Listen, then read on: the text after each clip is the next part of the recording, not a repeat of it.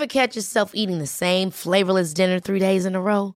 Dreaming of something better? Well, HelloFresh is your guilt-free dream come true, baby. It's me, Gigi Palmer. Let's wake up those taste buds with hot, juicy pecan-crusted chicken or garlic butter shrimp scampi. Mm. Hello Fresh. Stop dreaming of all the delicious possibilities and dig in at HelloFresh.com. Let's get this dinner party started.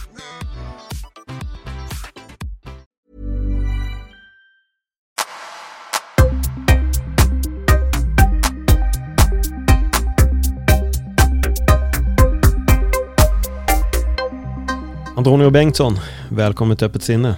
Tusen tack, trevligt att få vara. Ja, fan, vi, vi har egentligen bara lärt känna varandra, det känns som att det är ungefär de senaste två veckorna.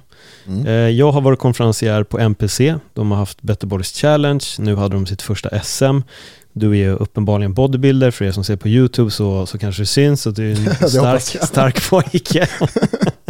Hoppas bara fylla ut den lite grann i alla fall. Exakt. Ehm, ja, men det är där du och jag lärt känna varandra. Sen började vi prata lite backstage och då förstod jag ganska snabbt att här finns ju ett öppet sinneavsnitt att, eh, att göra. Ja, precis. Och sen har jag även sett, eh, eller jag vet ju vem du är sedan tidigare också, och sen har man, Mm. jag har hört på pods långt tillbaka, för du har ju släppt, jag tror det är, om jag har korrekt, typ 200, över 200 avsnitt. Ja, Eh, så jag, jag har lyssnat på dig omedvetet, tänkt så här, "Ja, jag har ju lyssnat på några av hans pods för länge sedan. ah, okej. Utan att tänka på det, sen vet ju också morsan, hon älskar ju MMA och detaljerna, Ja. kampsporterna, som vi ser direkt också. Ah, Det var- kul. och alltihopa, så det är skitkul så. Eh, och eh, även märkt också att på sättet, alltså med din podd är lite mer unikare, lite mer så här, gå in på djupet mer än bara Ja. snacka om bara, bara träning, utan bara kunna gå upp, öppna upp om mental häls- ohälsa och eh, personliga grejer och även mycket det här med väldigt mycket killar som kan öppna upp sig mer lite, för Mm. det är lite instängt där med machokulturen och sånt, så där fastnar jag också väldigt lätt för att gästa, för det har också varit skitkul Mm. liksom. Ja, men kul, Ja. kul. Jag får börja med att hälsa till din mamma då. Vad Ja. heter hon? Linda, Hej Linda, vad kul att du eh, vet vem jag är. vad roligt. hon kommer, hon kommer uppskatta väldigt mycket, så ja, Ja. Så det är kul. Ja men roligt. Men, men jag tänkte att vi börjar lite i eh, bodybuilding och fitnesssvängen. Vad Ja. var det egentligen som fick dig att, alltså, ja, börja gymma är kanske en, det gör ju väldigt många, men vad Ja. var det som fick dig att börja gymma så pass inriktat på just bodybuilding? Uff, det, den frågan har jag typ försökt ställa mig själv lite, för man försöker tänka igenom vad, vad, när man fastnar med det. 100% för nu är man ju så inne i det och älskar det och kollar på det dygnet runt på YouTube allt möjligt men från början bara generellt så var det faktiskt inget intresse inom det utan mer hitta någon, för jag har alltid varit sportmänniska så jag har kört fotboll, testat rugby, pingis, basket, innebandy och kört eh, på hög nivå. Eh, så sen började det här med skolan och liknande var det väldigt mycket med, då var det mental ohälsa, eh, mycket med mobbning i skolan, mycket så här, falska rykten, mycket saker som påverkar ens eh, mående. Eh, som gjorde att man var, nu när morsan lyssnar på det här så var det var därför man också var fejksjuk väldigt mycket, stanna hemma. Inte på grund av att man inte orkar med skolan, utan orkar inte med, med personerna i skolan. Ehm, så genom året byggde jag upp en fasad med allt det där och till slut blev det att jag bara eh, testade jogga, du man bara skjuter på en sak ut med en sissla eller någonting som man kan skjuta på i flera veckor, flera månader. Bara, ah, jag ska göra det här, jag ska göra det här. Och sen blir det aldrig av, men till slut bestämde jag att tvinga mig själv och bara gå ut till utegym och kände att man mådde bara bra av att gå ut, gå ut och göra någonting och göra något nytt och, och inte vara med någon människa, bara vara instängd och göra sin egna grej. Eh, och sen genom åren har det väl bara blivit att man såg resultat och sen märkte jag fan jag älskar verkligen eh, träna liksom så här. Eh, men jag älskar festa också och sånt samtidigt i en lång period. Eh, och sen för ett år sedan, så där i slutet av augusti, så bestämde jag mig för att eh, sluta festa, sluta med allt och satsa på SM Mm. från ingenstans. För jag verkligen älskade verkligen bodybuilding och sånt. Det var bara att jag var intalade mig själv att man måste ha det här vänner, festandet och hålla kvar det i liv. Men sen tänkte jag nu är det dags att bli vuxen och satsa på något man faktiskt vill och brinner för. För hålla på med det här 50%, det andra 50% kommer jag aldrig kunna gå in för min dröm eller gå in för något. Så, och alltid i bodybuilding har jag dock sett upp till många som Jay Cutler, Branch Warren och många andra liksom så här, och tyckte det är så jävla ballt hur man kan skapa en sån stor kropp och forma den på så sätt med olika genetiker. Eh, och jag har alltid känt att min kropp passar perfekt in också inom kroppsbyggning. Kort kompakt när man var retad för att man var så kort hela livet. Eh, så fastnade jag till slut med bara det här konceptet och visa upp det på ett konstnärligt sätt. Mm. Så någonstans bara för ett år sedan var det faktiskt som jag fastnade 100% för den här sporten. Och varför vet jag inte riktigt. Det, det, är svårt att förklara varför. Jag vet bara inte. Jag älskar bara det, men det är så svårt att förklara varför man älskar det så mycket. Eh, men det var i alla fall ett år sedan som jag fastnade för bodybuilding-branschen. Mm. Och älskar det. Sen kommer jag aldrig kunna sluta med det. Men jag tror också det här med att man pushar sig till fail, mentala, har kompisar runt omkring, käkar mycket mat och posera och se utveckling både mentalt och sin kropp. Jag tror det påverkar väldigt mycket vardagen med positiv energi och sånt där. Så jag tror det är måendet som påverkar väldigt mycket som gjorde att jag fastnade just där, för jag mår så jäkla bra i det också. Hur mådde du innan då? Du fingrar ju lite där med, med mobbing och sånt där. Vad... Ja, innan så mådde jag väldigt dåligt för det var väldigt mycket så här, vår skola, Enskildsskola eh, som den hette, eh, var väldigt mycket så här uppdelat i klasser, Eh, Eh, det var väldigt mycket så här, de här är en. Det känns som liksom lärarna tog lite också in så lite att uppdelat med flit. Eh, kändes som på den tiden, kanske är fel, men kändes så väldigt mycket och det var verkligen så här A, B, C, D-klasser mot varandra hit och dit. Alla var lite olika och sånt där. Tyckte, kändes det som att alla var uppdelade lite olika. Men eh, man klickar ju mycket och snackar mycket med personer, men det var mest att det var väldigt det här drama. Jag minns en tjej, vill inte säga hennes namn just nu för podden, så för, jag ändå respekt. Men en tjej som eh, hade väldigt mycket så här, eh, känslor för henne och gillade henne väldigt mycket. Och hon ljög väldigt mycket runt om till sina vänner, familjer och sånt där framför mig som jag visste om. Eh, och jag uppskattade inte det och slutade vara vän med henne. Eh, och så gillade inte henne så jag sa att jag inte har några känslor för henne. Eh, sen då när hon skaffade ny kille, för på den tiden när man gick i åttan, sjuan, dansarna, då är det ju bara så att man bytte ut lite här och där partners och sådär. Det var att man kunde bli kär till den på en halv dag liksom. Mm. Och då, när hon blev tillsammans med den här killen så eh, hade hon sagt en gång när jag varit bortrest hos mormor och morfar. Eh, ut, det här var från Ureblå, liksom, kom jag i skolan. Eh, så säger han den här killen då, ja vi ska gå och prata liksom. Och, eh, det fanns en rökruta du vet, så man kunde gå alla tyckte det var coolt och så. Så var vi 30 pers där. Um, och så kollade han på mig och säger bara varför har du tagit på min tjejs bröst? Liksom så uh, och det började där liksom och jag, du vet, jag var helt stum, jag fattade ju ingenting för det kom från urblå. Uh, och jag bara, när då? Liksom så här, eller va? Vad, vad, vad har jag missat? Liksom? För jag blir ju helt chock. Och han är väldigt stor. Som sagt, jag hade inte kommit till puberteten 100% mm. där. Och han är liksom jättelång, stor. um, Och så sa han bara, ah, nu i helgen. Och jag tänkte så nu i helgen, jag har ju varit bortrest i hela en, över en vecka liksom. Och då har jag varit då där, så det stämde inte in. Men i stunden så blev han bara hetsig, du vet. Och fick ett slag i ansiktet, drogs ner mot trottoarkanten, slog i bakhuvudet, eh, började blöda i bakhuvudet och fick hjärnskakning, eh, en lite mild hjärnskakning. Och alla runt omkring bara stirrade på som skulle vara då vänner eller någonting. Så jag bara tyckte det var okej och sånt där. Och jag fattade ingenting och eh, var helt stum. Sen när det kom fram till att det inte var sant och det fanns bevis och alltihopa, att jag inte varit där, inte träffat henne, inte haft träff, träffat henne själv på flera, flera, flera veckor, så blev det ett möte, tror faktiskt min morsa var med dem på mötet och, och pratade ut med dem och de bad om ursäkt och sånt, men det var ändå så här, de i skolan visste inte om det här. Mm. Så de antog ju att det var fortfarande sant det här ryktet eh, som spreds runt och då det, man blev utpekad för saker som man inte gjorde och man mådde väldigt dåligt för jag skulle aldrig gjort sånt där. Ehm, och efter det så kommer det ett nytt rykte från samma tjej igen. Ehm, då när de har gjort slut den här killen och hon och det är ett halvår senare, eh, tror jag något sånt där. Och säger att jag har skickat en dickpic till henne då. Ehm, och, eh, så, och jag, visste, jag vet exakt vem det är. Jag minns med bilden än idag för det, det blir så traumatiserat av den här händelsen. Ehm, och jag vet exakt, som sagt, allt. Jag minns till och med att det var Björn Borg-kallingar som var på den här bilden som den här killen har tagit med den här grön och röda som var populära på den tiden, Björn Borg.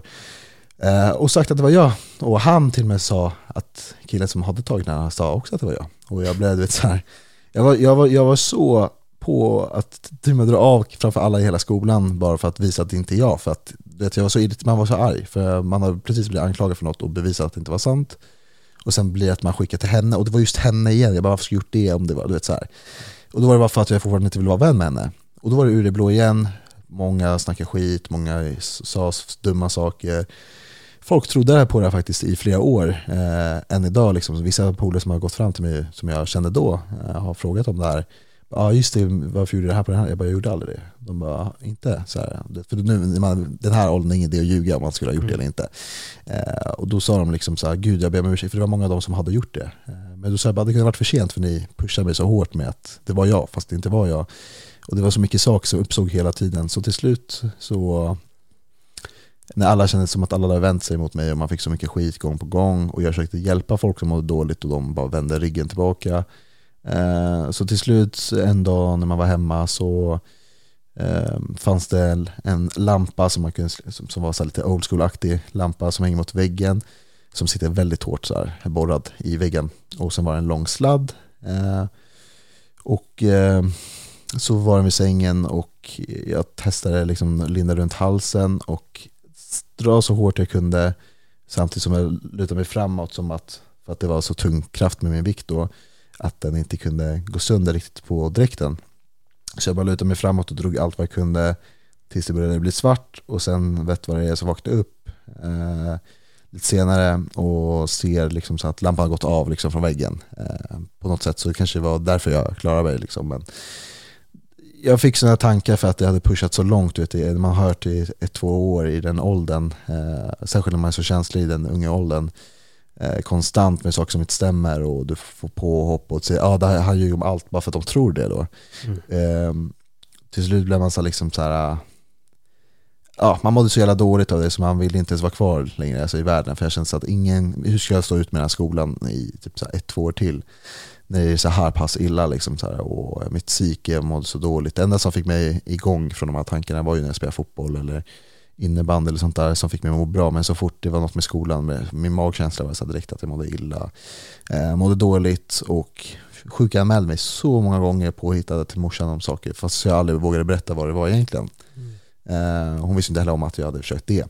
Så av allt det som hände liksom så mm, var det bara att man blir, man blir så pushad så hårt, man blir så trött på att bli behandlad på ett sånt sätt när man försöker bara göra gott ifrån sig. Eh, det är klart man har varit en busunge och gjort saker som man ångrar men inte gjort något så här mot någon människa på det sättet utan mer så här busat. vet, alltså, Ja, när man är liten, typ snott en godis på butik eller, eller typ kastat snöbollar på en bil. Sådär, alltså så här, sånt, men aldrig mot en människa gjort något så här, eller hittat på sådana brutala anklagelser.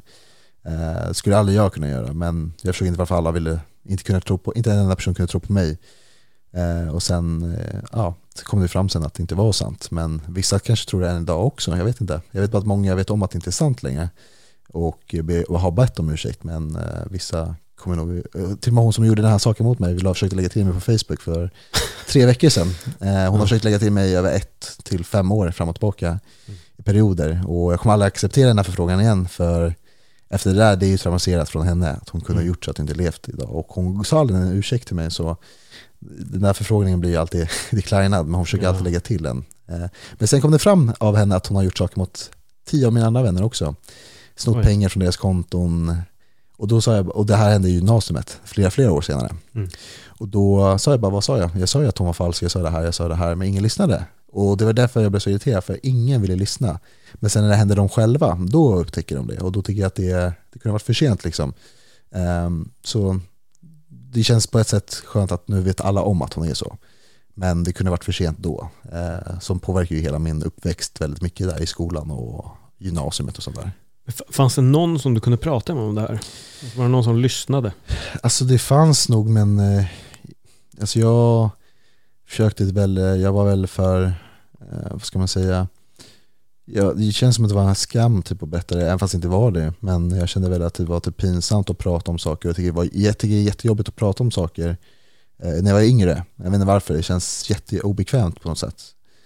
Eh, Jag visste inte riktigt hur jag skulle hantera det så jag vågade aldrig öppna upp mig för en enda person. Så jag höll allt det här för mig själv i flera år. Eh, Det är inte många som vet om det här eh, ens idag. Eh, Så ja, det är något som jag vet inte, jag vet inte varför jag inte riktigt tog hjälp men det var verkligen något som tog emot att inte egentligen prata om det för när jag märkte genom åren när man pratar ut om saker mår man så jäkla bra alltså, eh, om det. Och särskilt folk som kan relatera kanske. Man ska kanske prata med en vuxen eh, eller en brorsa eller något liknande men jag tog aldrig tag i det. Men idag önskar jag att jag hade gjort det. Du kanske hade utvecklats ännu snabbare. Men sen ändå önskar jag att jag inte har gjort det då för att här är jag idag liksom, då kanske den här fjärilseffekten har påverkat alltihopa. Mm. Att jag valde att ta mig igenom allt själv, men jag rekommenderar såklart till alla som lyssnar att alltid såklart ta tag i det och prata med någon, för det hjälper otroligt mycket. Annars kan det vara för sent om man mår verkligen superdåligt och har väldigt många vänner som faktiskt har gått den vägen eh, på fel sätt och inte kunnat prata med någon och inte någon som har velat lyssna på den. Så eh, jag relaterar mycket till saker som har hänt idag med folk som mår sådär dåligt och psykisk hälsa. Mm. Så det är något som upp. Så. När skulle du säga att du började här, komma ur det och vad var det som gjorde att du kunde, alltså, ska man säga lägga det bakom dig eller ta dig ur den här alltså, extremt djupa svackan som du var i? Um, det, det, det, var nog bara liksom så här någonstans uh, ur det blå tänkte jag så väl att allt hände av en anledning och att jag ska använda det som en drivkraft genom mitt liv. Liksom så här, att kunna hjälpa andra. Så jag blev väldigt pedagogisk och eh, kunde snacka ut med människor själv som mådde dåligt. Jag märkte att jag kunde använda det istället som en superkraft eller något sånt för att få andra att må bra. Och det fick mig må bra på något sätt. Eh, så, så fort någon mådde dåligt, jag, var, jag, jag slutade fokusera tyvärr på mig själv som var lite dåligt på ett sätt. Men alla i min omgivning vill att jag ska må bra för på något sätt mår jag bra, bättre av det. Så när jag pratade ut med någon och den sa bara gud nu mår jag mycket bättre, tack så jättemycket. Så fick jag, mådde jag bättre av det sättet och liknande. Och då tänkte jag att, att liksom så här, jag ska använda allt positivt, försöka använda träningen till positivt, använda mina nära vänner till positivt, försöka ta bort eh, det här med negativa människor som kontrollerat mig. För man blir väldigt så här, om du har blivit mobbad, har du blivit påverkat negativt, du vågar inte heller säga ifrån till folk som gör dumma saker mot dig. De kan typ så här, det här är bara ett exempel, typ så här, någon polare kunde typ så här, slå till bakhuvudet på skoj så här, flera gånger på en. Och jag kunde aldrig göra tillbaka för då var det helt plötsligt så här, konstigt när jag gjorde det tillbaka. Mm. Eh, för jag tog skit. Eh, så någonstans när jag valde att prata ut, hitta träningen, bygga upp mitt självförtroende, börja prata ut om mitt mående tillbaka, få en liten trygghet i mig själv, och få upp självförtroendet, då vågade jag sätta ner foten för andra. Och då märkte jag att ju mer jag fortsatte med det och inte ta skit och ta skit och bara fortsatte pusha så mådde jag bättre. Eh, så då valde jag istället då att använda allt det här och ta mig ur den situationen att tänka bara allt händer för en anledning och nu blir jag i alla fall bättre och starkare mentalt av den här anledningen och kan hjälpa andra utöver det istället. Så det blev bara av sig själv att det bara bitter skiftnad liksom helt. Mm. Finns det någon vän som har varit den som slog dig i bakhuvudet som du idag har pratat med och berättat allt det här? Och hur har i sådana fall reaktionen varit? Eh, faktiskt så har han, hade han förändrats genom åren. Själv också. Eh, han har varit världens snällaste efter det. Eh, han har barn idag, är faktiskt bara, han är bara ett år äldre än mig, så han är 24. Han skaffade barn för två år sedan, skaffade fru, flyttade från Sverige.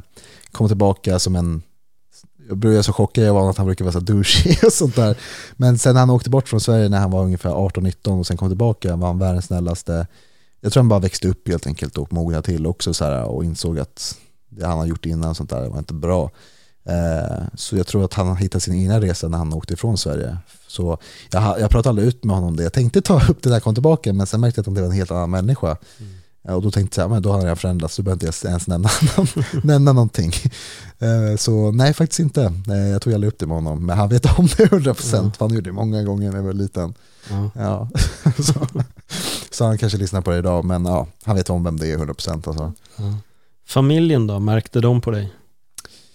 Jag, alltså jag tror, jag tror inte jag tror morsan märkte till och från lite grann, men jag var väldigt den här som du vet, gick in i rummet, stängde in mig i rummet och låtsas som ingenting, typ spela spel eller eh, gjorde något annat, gick ut mycket till vänner eller sånt där och eh, försökte hålla masken väldigt mycket. Jag ansträngde mig för mycket för att tänka på att hålla masken än att faktiskt prata ut måendet. Som gjorde det ännu jobbigare, tog väldigt mycket energi på det sättet. Men inte vad de har märkt, de märkte när jag verkligen mått dåligt till, till och från i perioder men eh, genom åren har jag i alla fall pratat ut om det då. Eh, innan pratade jag inte ut om det. Jag pratade väldigt ut om mina problem till morsan väldigt sent ålder. Men på grund av att jag gjort allt själv så har det på något sätt gjort mig mer mogen, tagit alla strider själv. Eh, I förhållande har kanske de dragit in sin morsa, jag har aldrig dragit in min morsa utan jag har skött det själv. Eh, kanske inte hanterat på bästa sätt i början, men man lär sig av misstagen. Eh, så jag har gått igenom det hårdaste sättet eh, så jag kan ha byggt upp mitt mentala för att kunna klara av allt känner jag liksom nästan eh, i psyket. Liksom. Mm. Så på ett sätt är jag ändå glad att jag gjorde det själv, men som sagt, vissa kanske, jag kanske inte hade levt heller, man vet aldrig sånt där. Så mm. jag skulle inte rekommendera att man tar in sig med allt själv utan man faktiskt accepterar att ta hjälp från någon annan som familj eller liknande. Ja. Jag vill backa bandet till lampan, sladden som har gått sönder eller lampan ja. som hade släppts från väggen. Vad tänkte du när du vaknade upp från det där? Att eh, Alltså det första tanken var, var vart jag, om jag var i himlen. något, liknande. Jag hade ingen aning vad som skulle hända efter livet men sen när jag insåg mer när jag började klara till i huvudet så tänkte jag på något, det låter hemskt men det låter som att jag tänkte så här, fan jag misslyckades typ så. Um, och kände mig mer deprimerad den dagen direkt när jag misslyckades typ för att jag kände så här jag kan inte ens få, få slut på plågandet eller lidandet från uh, det här. För jag tyckte att de där två åren med konstant påhitt och allt liknande var värre än leva liksom. För jag kom aldrig ifrån det, för man var ju tvungen att gå där fem gånger i veckan året, året, året runt liksom. Så på något sätt ville jag bara få slut på lidandet. Eh, jag började tänka mycket mer skadebeteende, jag gjorde aldrig det, men började tänka mycket, mycket väl. Så jag tänkte så här, när jag sett folk som har skärt armar och sånt där, ska jag börja göra sånt? Eller det, så här, vad får man bort smärta ifrån? Eh, jag vill bara sluta allt. Eh, lidande och all smärta som kändes inombords. Så jag tänkte mer att det var ett misslyckande på det. Och tänkte så här, bara fan, nu måste jag tillbaka till skolan. Typ. Det var min första tanke som kom upp tyvärr. Eh, och jag visste inte hur jag skulle riktigt hantera det, för jag mådde så pass dåligt då också. Eh, så jag minns att jag var sjuk den veckan igen, eller låtsas sjuk den veckan. Sen minns jag inte efter hur det var den veckan efter, men jag minns bara att jag sjukanmälde mig första veckan direkt där. Mm. Så det var jobbigt. Hur mycket hjälpte träningen dig i det här? Så träningen eh, var den enda gången som man faktiskt kom ifrån tankarna. Jag hann inte tänka på det. Eh, så när man sysselsätter sig så försvinner det riktigt de här tankarna. Samma sak om något har hänt idag man på gymmet. Det är som en terapi för alltså hälsan. Liksom. Få den här endorfinkicken och sånt där. Och eh, då var det i alla fall träning var verkligen så här shit jag mår bra. Jag vet inte, det var bara någon känsla jag kände efter träningen, bara jag mådde bra. Men sen så fort man kom hem igen och den där endorfinerna börjar kicka ut igen, då vill jag bara springa tillbaka till gymmet, eller ut till gymmet, bara springa och springa från alla problemen. Mm. känns som att man ville ta igen, ta igen problemen på plats, man ville springa ifrån problemen, för att man visste hur jobbigt det kändes där i stunden. Så jag längtade bara efter nästa pass, nästa pass, springa, springa och då blev det bara en chin-up mer, en dipp mer, något som bara ökar och ökar och då fick man också en boost till jag blir starkare. Brorsan visade mig också med armhävningar, jag skulle lära mig med en arm, liksom så här. han visade teknik med en magasintidning som man skulle rulla ut en arm och köra så varje dag. Så sa han kör så här 30 gånger om dagen. Eh, så till slut blev jag bra på det. Till slut kunde jag köra liksom, med två fingrar, typ 45 armhävningar.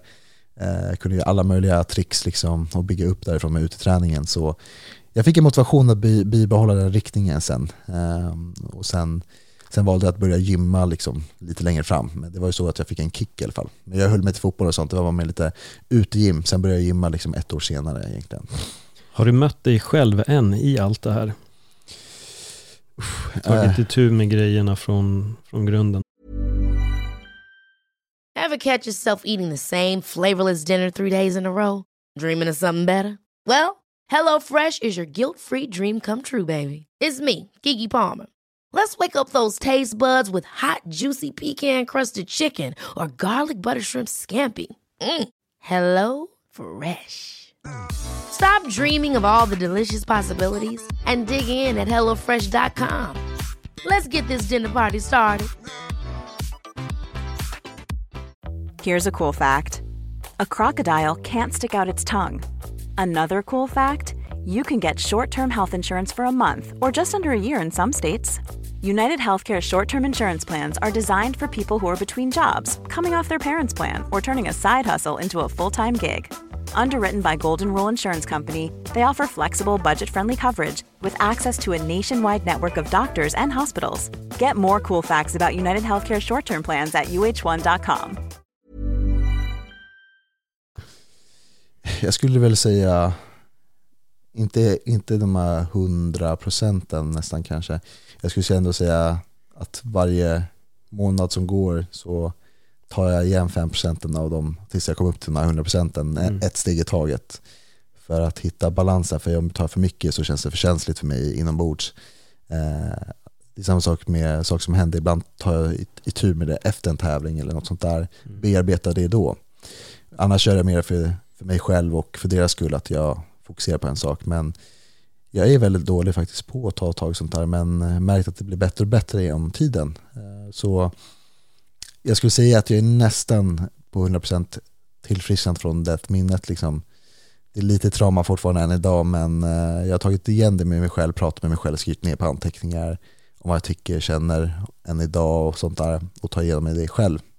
Eh, sen lyssnar jag mycket på pods och sånt där också, mm. där de snackar om, så här, om sig själv och mycket relaterat som Johannes också, en kille som heter, som jag lyssnar på mycket.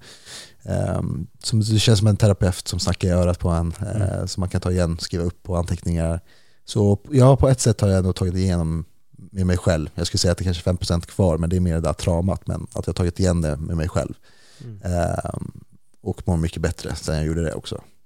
Hur känns det att prata om det nu? Alltså, alltså nu, nu, här? Eh, det känns som en lättnad eh, i bröstet, liksom, så det känns skönt på ett sätt. Det blir lite känsligt också för man får ju upp en mm. bild, i alla fall en video i huvudet om varenda steg. Det kommer alltid komma upp exakt så här. Jag minns exakt hur mobbaren såg ut just den dagen, vad han på sig exakt för kläder, exakt vilket väder, exakt vilken trottoarkant det var allt, varenda detalj minns jag om det när jag pratade om det och hur väggen såg ut hemma då, mm. hur sängarna låg, eh, vilket täcke det var, alltså jag minns exakt varenda detalj just då den för det var så mycket som satt i huvudet av det. Eh, så det kommer aldrig försvinna minnet från det, men det känns skönt att prata ut om det också. För att eh, folk där ute ska också känna, kanske det relaterar till något som har hänt dem i livet och vet att de inte är ensamma och många tror också att jag är en machokille från början när de ser på mig eh, med bodybuilding-stilen och att jag kanske ser lite sur ut i blicken och ibland sånt där. Tills de pratar med mig så blir det en annan bild oftast. Eh, så det är mycket fördomar och sånt eh, och vet inte om bakom den här killen vad som har hänt tidigare. Så det är också fint att jag tycker det är skönt att prata ut så folk får en bild av att det inte har varit så enkelt i livet alls verkligen. Väldigt tuffa motgångar i hela livet. Så det känns skönt att prata om det. meditation, är det någonting som du har provat? Jag har blivit rekommenderad så många gånger. Jag, det, det, det, är en grej som jag inte tagit in tur med än så jag, jag ska försöka testa det. Eller jag ska testa det. Mm. Från med, jag kan säga så här bara för att nu när jag säger podden så måste jag lova mig själv det. Jag ska testa att göra det på, i helgen, på söndag. Så ska ja. jag göra det. Koppla av då när allt har, hela veckan gått passerat. Så söndag nästa gång ska jag göra det.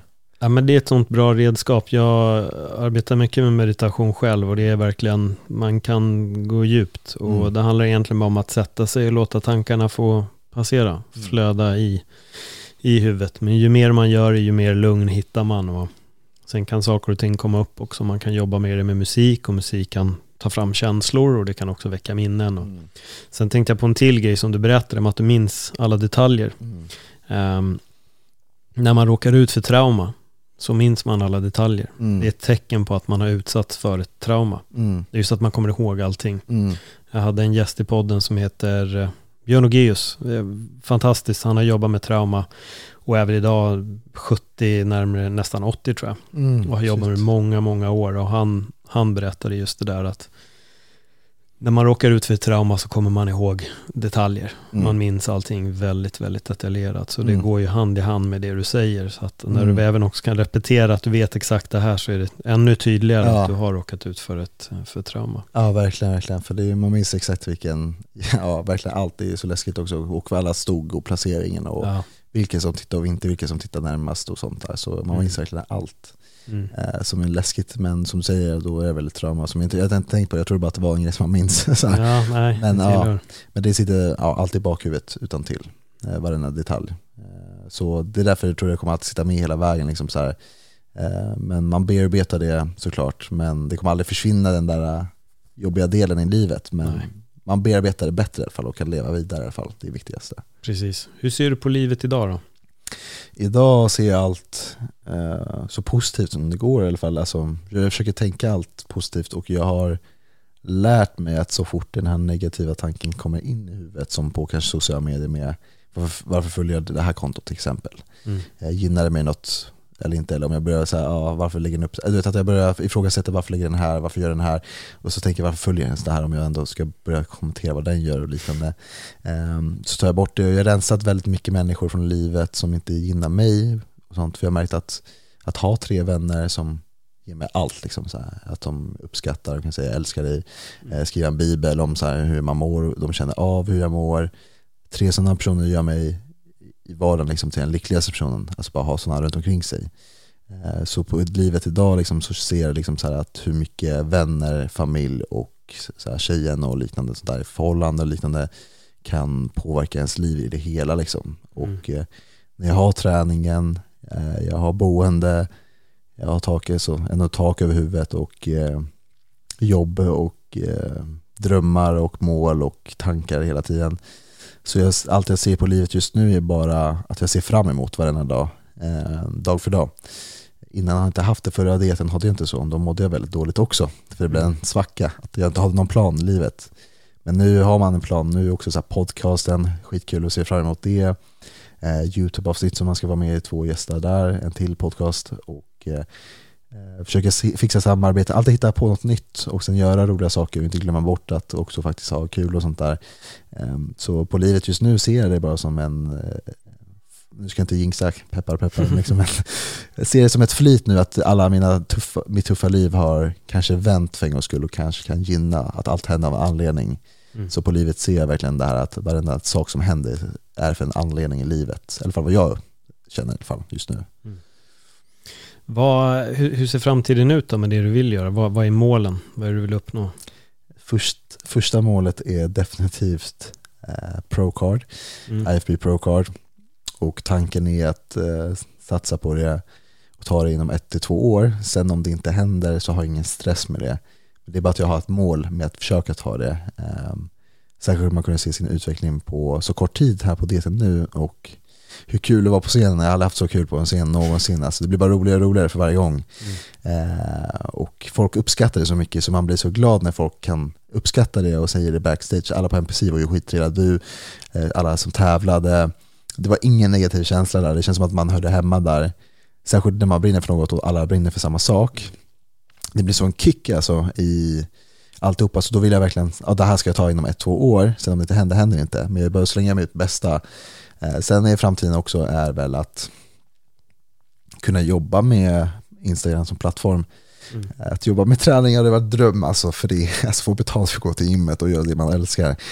Det är det, så man vill ju jobba, som du säger själv, alltså man vill jobba också kanske med något man älskar ju. Mm. Det blir ju inte ens ansträngande. Så om jag hade kunnat jobba med det, det, det är min framtidsplan. Eh, annars gillar jag väldigt mycket så jobb med eh, så här, entrévärld och bemötande med människor, sociala livet och sånt där. Så det blir det, men om man tänker framtidsplanen så är det proffskortet först. Och eh, ja, åka utomlands och faktiskt njuta av livet dag för dag och inte fokusera så mycket på att vara inne på mobilen om det inte gäller bara jobbgrej, men att faktiskt njuta av livet i verkligheten. För jag tycker att många glömmer bort det i dagens generation också. Men eh, det är enda framtidsplanen som jag har just nu. Sen eh, längre fram vet jag inte, jag vill ha en, ett steg i taget, men det är, i alla fall, det, det är min dröm i alla fall. Så det är det jag kommer fokusera mest på i alla fall som framtidsplan.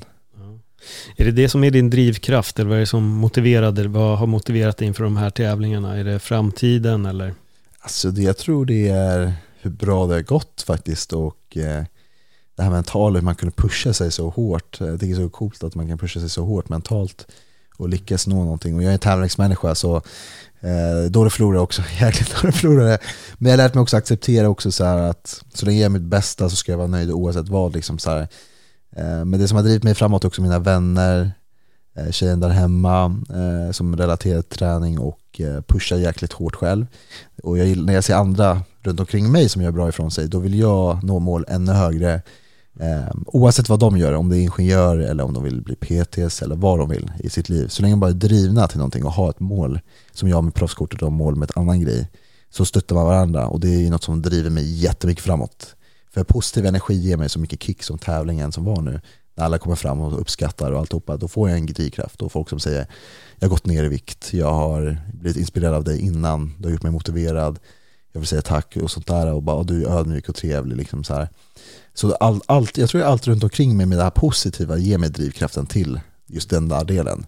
Positiv energi för mig är allt liksom så här och se sina vänner göra bra ifrån sig, sin sambo, sin familj och gör bra ifrån sig gör att jag får en kick på något sätt, att göra, vilja göra likadant som de gör också.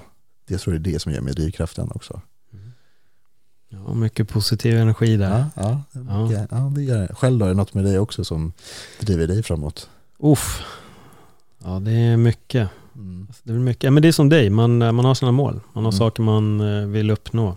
Det är som för mig blir bodybuilding för mig är poddarna. Ja, ja. Får dem att växa, för det är det musklerna, för mig är det poddarna ska, ska växa och bli, och bli större. Så vi strävar efter samma, samma tanke ja, ja. på, på ett sätt. Men eh, jo men absolut, men jag gillar det du säger också, det här med att ja, men kunna nå ut också. Mm. Eh, och att det du gör nu, så här, prata om psykisk ohälsa och att det kommer fram. För det, det, det tragiska är ju det att du är inte unik. Mm. Det är ju det som är det värsta. Nej. Eh, att det är så många som går igenom det här hela tiden. Mm. Eh, så händer det ju konstant. Det är killar, det är tjejer och jag tror ibland kanske killar har svårare att prata om det. Mm. Och det är det som egentligen är kanske det tråkigaste med hur samhället ser ut. Att väldigt många istället går runt och är tysta. Mm. Och har svårt att öppna upp sig. Och speciellt med så här social media-värld. Och, jag menar, dickpic, min tid fanns ju inte. Då var du tvungen att fota och skicka ett foto via post. Det är så här, lite komplicerad process. Ja, jag tror man hinner överväga den här tanken ganska många gånger innan, Ja. innan det händer. Men, men idag är det ju som att man kan ta dumma beslut på en mikrosekund bara. Så, Mm. så här, papp, och så har man gjort det och, och så kanske inte går att ta tillbaka. Nej. Eller man går ut med ett påstående på sociala medier och så har det nått ut helt plötsligt till tusentals personer istället för bara kanske en person. Att man Mm. säger till en person. Så det är, ja, det är en väl, väldigt, väldigt konstig värld som vi lever i nu på, på det sättet. Och sen kan man bli även cancelled på en sekund också. Ja, jo. Ja, det bara är råka så vara också. på fel tillfälle, råka säga ett Ja. ord fel eller sånt där. Exakt, exakt. Eh, Så det, det är väldigt mycket också med sociala medier som har blivit en press också. Eh, Och ehm, jag tror att många, som sagt, jämför sig alltid för mycket med alla där Mm. också.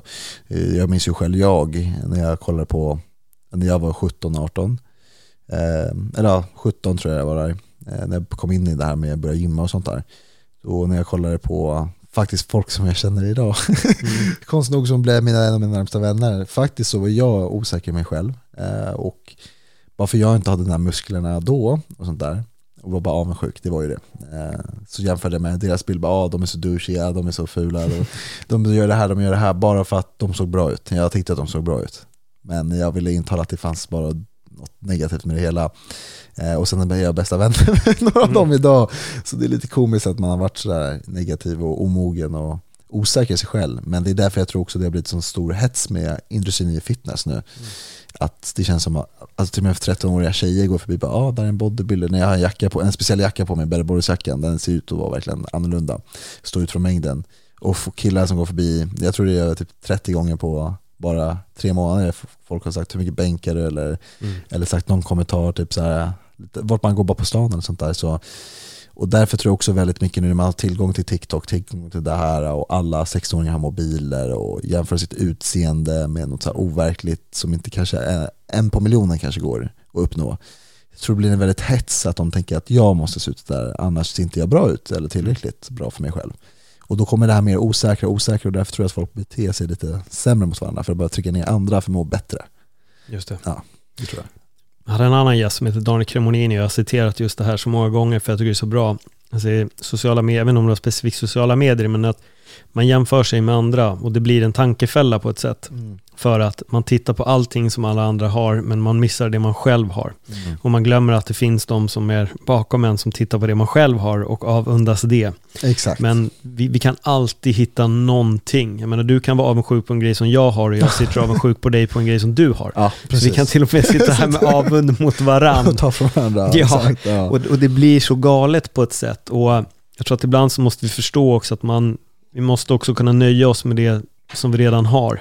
Precis. Att inte hela tiden jaga det vi inte har, Mm. utan vi är där och jagar med det här, det här och det här och nu vill jag förbättra det, eller ha den här Mm. grejen, eller bo i den här lägenheten, eller åka den här bilen. Och det, det tar aldrig slut. Någonstans måste vi hitta den här uh, tillfredsställelsen själv med vad vi Exakt. själva är och vad vi gör. Tror jag. Men jag tror jag hörde det där från, jag, tror det var tjejen som nämnde det där om, eh, i någon podd eh, som hon lyssnar på. Som också är mycket mer så här, så jag tror det är två tjejer som håller den podden som snackar mycket med det här med Mm. när man får osäkra i sig själv, där de går igenom varför det kan vara mycket sånt. Och då sa de också att man ser mycket på, som du säger det här att man kollar inte på redan det man har, utan man Nej. kollar alltid på det man inte har där liksom så här, ska jämföra med det liksom så här. Precis. Istället för att uppskatta, typ, oh, men jag har faktiskt ett, ett boende, jag har faktiskt ett jobb, jag har en partner, jag har en hund som jag alltid velat ha, jag kan, jag, kan, jag kan gå vart jag vill, jag kan jobba. Alltså, du vet, att man inte ser det man faktiskt redan har. Jag har en familj, vissa har inte familj.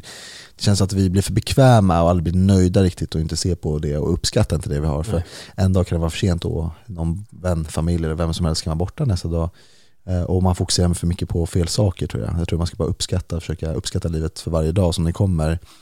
Och till exempel det här med folk klagar på så här, måste till jobbet och sen det här är från någon annan också som sagt, jag ska inte säga hans namn för många gillar inte han, men det, det var en grej som han sa som var bra. Liksom så här, istället för att säga ja, jag har ett jobb faktiskt.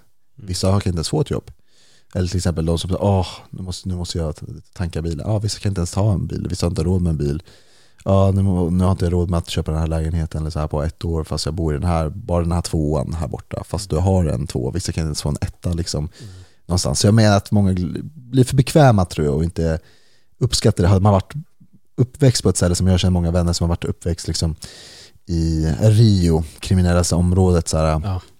och gått igenom sett folk bli skjutna framför sina ögon, varit i en skottlossning själv som barn och traumatiserat av tusen saker. När jag ser dem idag, de är bara, har ett leende varenda dag i sitt liv. För de har, de har tak, de har jobb, de har allt det där.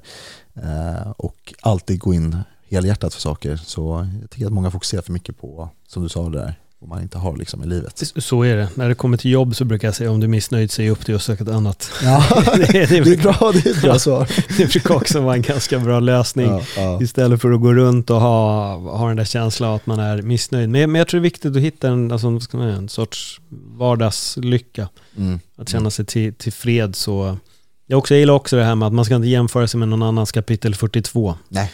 Som du till exempel i en bodybuilderresa, om du skulle nu bara sitta och jämföra dig själv med Branch Warren och inte fatta varför du inte är där, ja. eller när han var i sin peak, eller Jay Cutler i sin absoluta peak, det blir ja. så här galet för de har ju haft en lång resa. Jättelång resa. Det har tagit många år, jag tror att det är det man någonstans måste förstå att vi båda pratade ju lite Bruce Lee här innan. Han har ju det här, det, det, är en, det är en resa, inte en destination. Exakt. Och vi måste kunna njuta av resan, vilket är väldigt viktigt. Men det är det också jag tror att många förhastar sig. Bara, jag vill se ut så här nu på en sekund, jag vill, jag får ja. den här kroppen på en, en månad, det går inte. Nej. Jag tycker inte det blir, för mig blir det inte så här, jag, jag vill inte nå dit på en månad, jag vill nå dit på den här perioden för att jag vet att jag vill kämpa för det. Jag vill inte att det ska vara enkelt för då hade ju som sagt som alla säger där citatet om, all, om det var enkelt hade alla gjort det. Ja. Eh, så jag känner ju verkligen att den här resan med slit, tårar, frustration och glädje samtidigt och sen när man står där på platsen så och sett sitt resultat som man har uppnått då, som det här om vi säger två år, om jag tar proffskortet mm. kan man se sig i spegeln bara, jag, alltså jag gjorde det, fast då blir det en annan känsla. Det är samma sak med folk som är uppväxta, kanske får en bil. Här, du får bilnycklarna. Som inte behöver göra någonting. Här, du får det här. Mm. Då, blir, då, då uppskattar man inte glädjen i livet Nej. tycker jag. Det, om man har gått igenom, som du och jag kanske väldigt mycket också, så här, genom åren, alltså bara en blomma av en eh, partner eller en vän, bara en sån grej, en uppskattning för mig mm. som jag uppskattar till lika mycket som det vore en bil. Alltså så här, sånt är för mycket för mig. Liksom så här, mm. Det är sånt jag vill kämpa själv för, för då känns det som en annan grej för mig.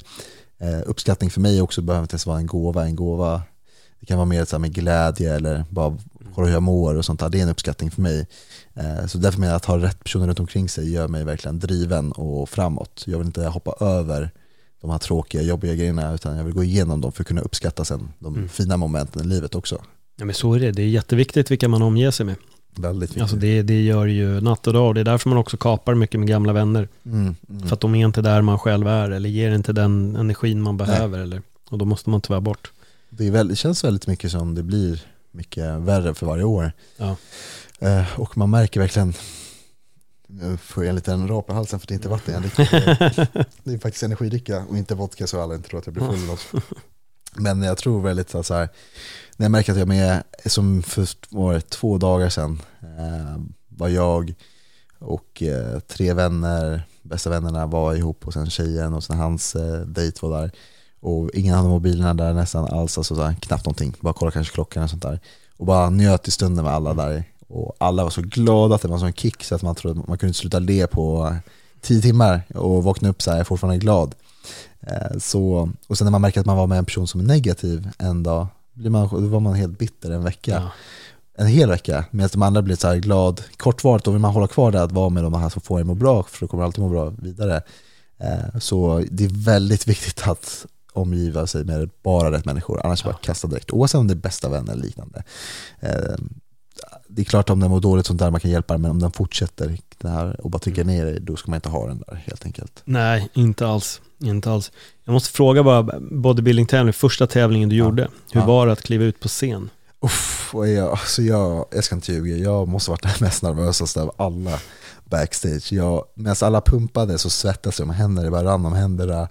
Min puls var 3000, min mage började pumpas utåt för att jag var så andfådd typ av stressen. Och eh, alltid kolla upp i luften och, och, eller så blunda väldigt mycket och andas ut och in. Så det var, det var i, jag var skraj, alltså riktigt skraj alltså. Jag kommer aldrig kunna minnas den här stunden. Eller sluta minnas den här stunden. Men jag var skraj, jätteskraj, jag vet inte varför. Jag känner väl prestationsångest-grejen där som med att man ska läsa upp något för, för hela klassen. Jag hatade sånt där också. Eh, Men det gick ju bra för man skulle, skulle vara nervös på det. Det gick faktiskt bra. Dock vet jag också att med ett prov, kanske inte man hade läst igenom så många gånger, om man kan det utan till blir man inte nervös tror jag. Mm. Men just där på scenen, det var så mycket rampljuset och sånt där, uff, det känns som man ska gå och hålla skämt och sånt. Alltså, nej, uff, det var hemskt alltså. Det var hemskt alltså. Men sen så fort de sa vilken, när man skulle stå på linjen där, direkt Ja. släpptes allt då. Mm. Men innan det, det var hemskt. Men just när jag hoppar in i en situation, då tycker inte jag det är jobbigt. Mm. Samma sak när jag ska gå på dejt första gången, eh, jag gjorde det med tjejen också. Ehm, Just innan dess, då jag känner bara, jag tänker på dejt, dejt, dejt, dejt, dejt, dejt, alltså nonstop. Sen när jag väl är på platsen så är det lugnt, men jag vill helst bara hoppa in dit direkt. Jag vill inte vänta fem timmar innan Nej. vi ses, utan jag vill bara vara där direkt för att få bort den här ångesten. Men det är sånt med intervjuer eller vad som helst, det spelar ingen roll. Jag är alltid sådär stressad och innan. Jag vill bara hoppa in i situationen direkt. Vet du vad grejen är? Det är intressant. Jag läste en bok eh, för många år sedan nu som heter Ja. The Rise of Superman och det de pratar om där det är egentligen att gå, hitta ett flow state, att gå in i flow. Ja, Och det, det man har sett är att egentligen alla alltså, som ska göra någonting, Mm. typ extremsport eller vad det är, man blir extremt nervös innan. Men det är för att kroppen förbereder sig mm, på att gå in i en viss uppgift. Så att Mm. den där nervositeten, det är en positiv signal egentligen. mm, mm. Att man känner av det. Så att, så att när du inte har några nerver alls längre, då tycker du nog inte ens att det är kul. ja Då har du det- tappat det. Så ja, det nerverna sant. betyder, det är viktigt för dig. Eh, sen finns det ju nivåer till nervositet också. Jag förstår att det kommer vara nervösast första gången. Ju mer man gör det så får man en viss rutin. Mm. Men att få ett pirr i magen och känna lite, det är bara ett positivt tecken. Mm, ja, Så men det det, ska jag komma också. ihåg. Ja, men det ska jag tänka också på. Men det kan också så bara på en fest, du så här, så här, nytt intryck, nu ska jag Mm. träffa tio random personer jag aldrig träffat. Då blir jag också stressad och så här, svettig om händerna så, och då kan inte jag hälsa på dem för det känns, jag brukar ge en kram istället då. För, Ja. för jag, jag vet inte varför jag svettas om händerna, det är väl farsan och morsans genetik. Men, ehm, så just det att Just sånt där, jag vill bara hoppa in i situationen. För jag blir så jävla, när det är en spontan grej kan jag bli så mer lugn typ än att du vet att du ska göra det här typ. Mm. Samma sak med arbetsintervju. Bara precis, sen när jag börjar prata i fem minuter då är allt släppt liksom. Ja. Men jag vet inte varför det är så, men det är alltid med allt för mig. Men du har ju varit lugn här, du har ingen nervositet i början. Men vi hann ju och för sig prata lite Exakt, innan vi satte det igång, därför. så det kanske var det att man... Ja, jag tror också det. För då blir i- lugnt så här, hitta Ja. miljön lite bekväm. Kan luta mig tillbaka som nu, jätteskönt. Men det är nog egentligen det värsta man kan göra som, alltså som poddmakare eller intervjuare, att så här bara slå dig ner och så bara, "Ah, hej nu undrar jag det här, för då, man behöver lite, lite tid. Jag brukar göra det med de flesta som jag poddar med, så är det att man sitter och snackar lite innan. Mm. För annars blir det väldigt konstigt. Bara, ja, där är platsen, slå dig ner. och så bara, hur var barndomen? Bara, Ja. Ja, jo, alltså. Ja man inte blir avslappnad precis, det blir bara att hoppa Nej. in direkt då. Ja. Nej men jag håller med dig. Så det var skönt att prata ut där innan. Ja. Liksom. Ja, Ja, men det är bra. det hjälpte mycket. Jag ska säga, jag vill, vi börjar närma oss slutet. Ehm, men jag vill tillbaka lite till allting. Ja. Men jag vill att du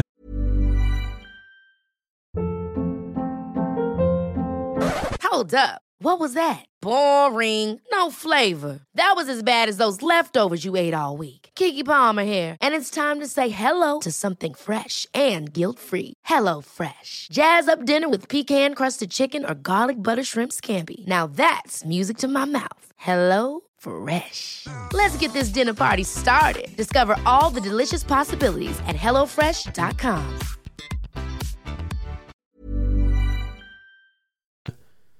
om det finns någon där ute som, som är i den här sitsen, som, som du var i, eh, eller en liknande grej, kanske inte identiskt, men ja, du fattar, som mår lite dåligt liksom. Vad skulle du vilja säga till den personen som lyssnar på det här avsnittet och är där i livet? För det första, du som lyssnar på det här ute, alltså, det, det första jag kan säga är som nu när du har hört min lilla berättelse och hur jag mår och liknande så är det att känna att det är det, ska, det är okej. Alla mår, mår inte bra eh, alltid i perioder och vissa mår bra, mår bra alltid, kanske en viss lång period och sånt där. Men att man inte ska behöva känna sig att man är ensam och det finns verkligen personer som vill dig väl också, även fast du kanske inte inser det själv. Men det finns alltid en person där som du kan vända dig nog om till eh, och prata ut för om man bara grumlar efter samma sak och diggar ner sig istället för att bara ta tag i det direkt och inte vänta med det utan ta tag i det i direkten så kan det verkligen hjälpa liksom att gå och prata med någon. Det kan också vara att du kan göra något som får dig bra, även fast om det är rita, spela spel, att hitta något lugn i dig själv. Men det, det viktigaste jag skulle säga är, som jag gjorde inte då, är att faktiskt prata ut med någon. Oavsett hur tufft det är och sånt där. För kan inte du prata med någon kommer du bara försöka hitta mer fel i dig själv, som jag gjorde. Jag tänkte att allt var mitt fel, att det är jag som är huvudsaken. Eh, fast det kanske är de andra som betett sig bara dåligt och varit eh, bara dåliga människor mot just dig. Och det är inte så överallt såklart, men det viktigaste är verkligen som sagt att inte vänta på det, för ju längre du väntar desto mer grumlar du mer i det och kommer må säkert sämre och kanske göra som andra gör, att ta fel väg. Ehm, så det viktigaste är verkligen att söka hjälp i så fall också, annars också. Det finns massor med nummer, det finns många vänner som har gjort det som tack vare det lever idag och mår bra idag. Och inte behöver känna sig ensam, för när man pratar ut om det då känner du också att någon lyssnar på dig där. Som därför det finns hjälp för det också, för de finns där för att lyssna på ditt problem och kunna prata ut om dig, varför det är sånt där. Och när jag har fått lättat på bröstet brukar jag känna så här, när någon har lyssnat på mig, verkligen varit lyssnat och tagit in varenda ord så känner jag verkligen att det har lättat på bröstet och jag kanske har bytt mer negativa tankar till de mer positiva tankarna och hittat en lite mer utväg ifrån det hela. Men det enda tipset jag skulle säga just nu i alla fall är att göra saker som får dig må bra oavsett om det är sport eller liknande eller rita, vara med vänner eller familj eller att söka hjälp och prata ut med någon. För det är de två sätten som har i alla fall funkat bäst för mig och många andra i min omgivning. Eh, men många vågar tyvärr inte det. Eh, så därför när du lyssnar på det så tycker jag verkligen att du ska i alla fall ge ett försök och göra det. Gör du inte ett försök så vill du inte det någon själv. Eh, och om du vill ditt egna bästa så försök verkligen göra det. Och det finns säkert många där ute som kanske inte vet om att du mår dåligt för du inte pratar just ut om det. Så jag tycker det är väldigt viktigt att man också är öppen med sina nära och kära så att de kan se det. För vissa är så bra och kan se glad ut på jobbet, se glad ut på vart som helst och sen bakom det här leendet är ju det som är farligt att man inte vet hur någon bor inombords. Så därför också till er där ute också, fråga alltid dina vänner, familj, oavsett vad, vilken dag, kolla lite extra bara med hur mår du? En, en sån fråga kan faktiskt öppna upp också en konversation till alla nära och kära. För att vissa kanske inte är vana att få den frågan. Så bara fråga och visa att ni bryr er om er eh, nära och kära. För det kan vara för sent för vem som helst utan man vet om det själv liksom också. Skulle jag säga. Uff, riktigt bra. Mm. Eh, väldigt, väldigt bra sätt att avsluta den här podden på också. Det är ett fint budskap som du kommer med där. Mm. Eh, om folk inte redan följer dig på din resa, vad hittar man dig då? Då kan man hitta mig på Instagram som är Antonio Bengtsson ihop, fast med ett S. Vi är de enda, jag är den enda som heter Antonio Bengtsson med ett S faktiskt mm. i hela världen. Så hoppas att folk kan, det kommer nog vara lite lätt att hitta det då på Insta, men där kan ni hitta mig. Ehm, och sen, ja, jag använder inte så mycket andra plattformar. Nej. Ehm, försöker ta bort så mycket som möjligt på det andra fokuset, men där kan ni hitta mig i alla fall också. Ja, bra. Antonio, Tack, Tack så mycket för att du öppnar upp dig på det här sättet och att du delar din historia. För Tack så mycket för att jag får gästa också. Ja, ja självklart. Och i framtiden så får vi sätta oss igen så får vi höra hur resan mot proffskortet går. Ja, och allt annat som händer i ditt liv. Ja, det låter super. Ja, superbra, tack så mycket. Tack så mycket själv. Och till dig som är där ute, precis allting som redan Antonio har sagt, sök hjälp. Om du måste prata med någon så gör det. Stäng dig inte inne för till slut kommer det att sprängas och till slut kanske du tar ett beslut men det slutar inte så pass bra som det gjorde för Antonio att lampan pajar och eh, han vaknar upp på golvet. Så Prata med någon, hör alltid av dig till någon. Det finns alltid någon som eh, finns där för dig. Och gör det inte det så får du jättegärna kontakta mig eller Antonio direkt Precis. om du känner att du inte har någon alls att prata med. Eh, så gör det. Vi finns för er alla där ute. Ha det jättebra och eh, tack för att ni lyssnade. Hej då. Hej då.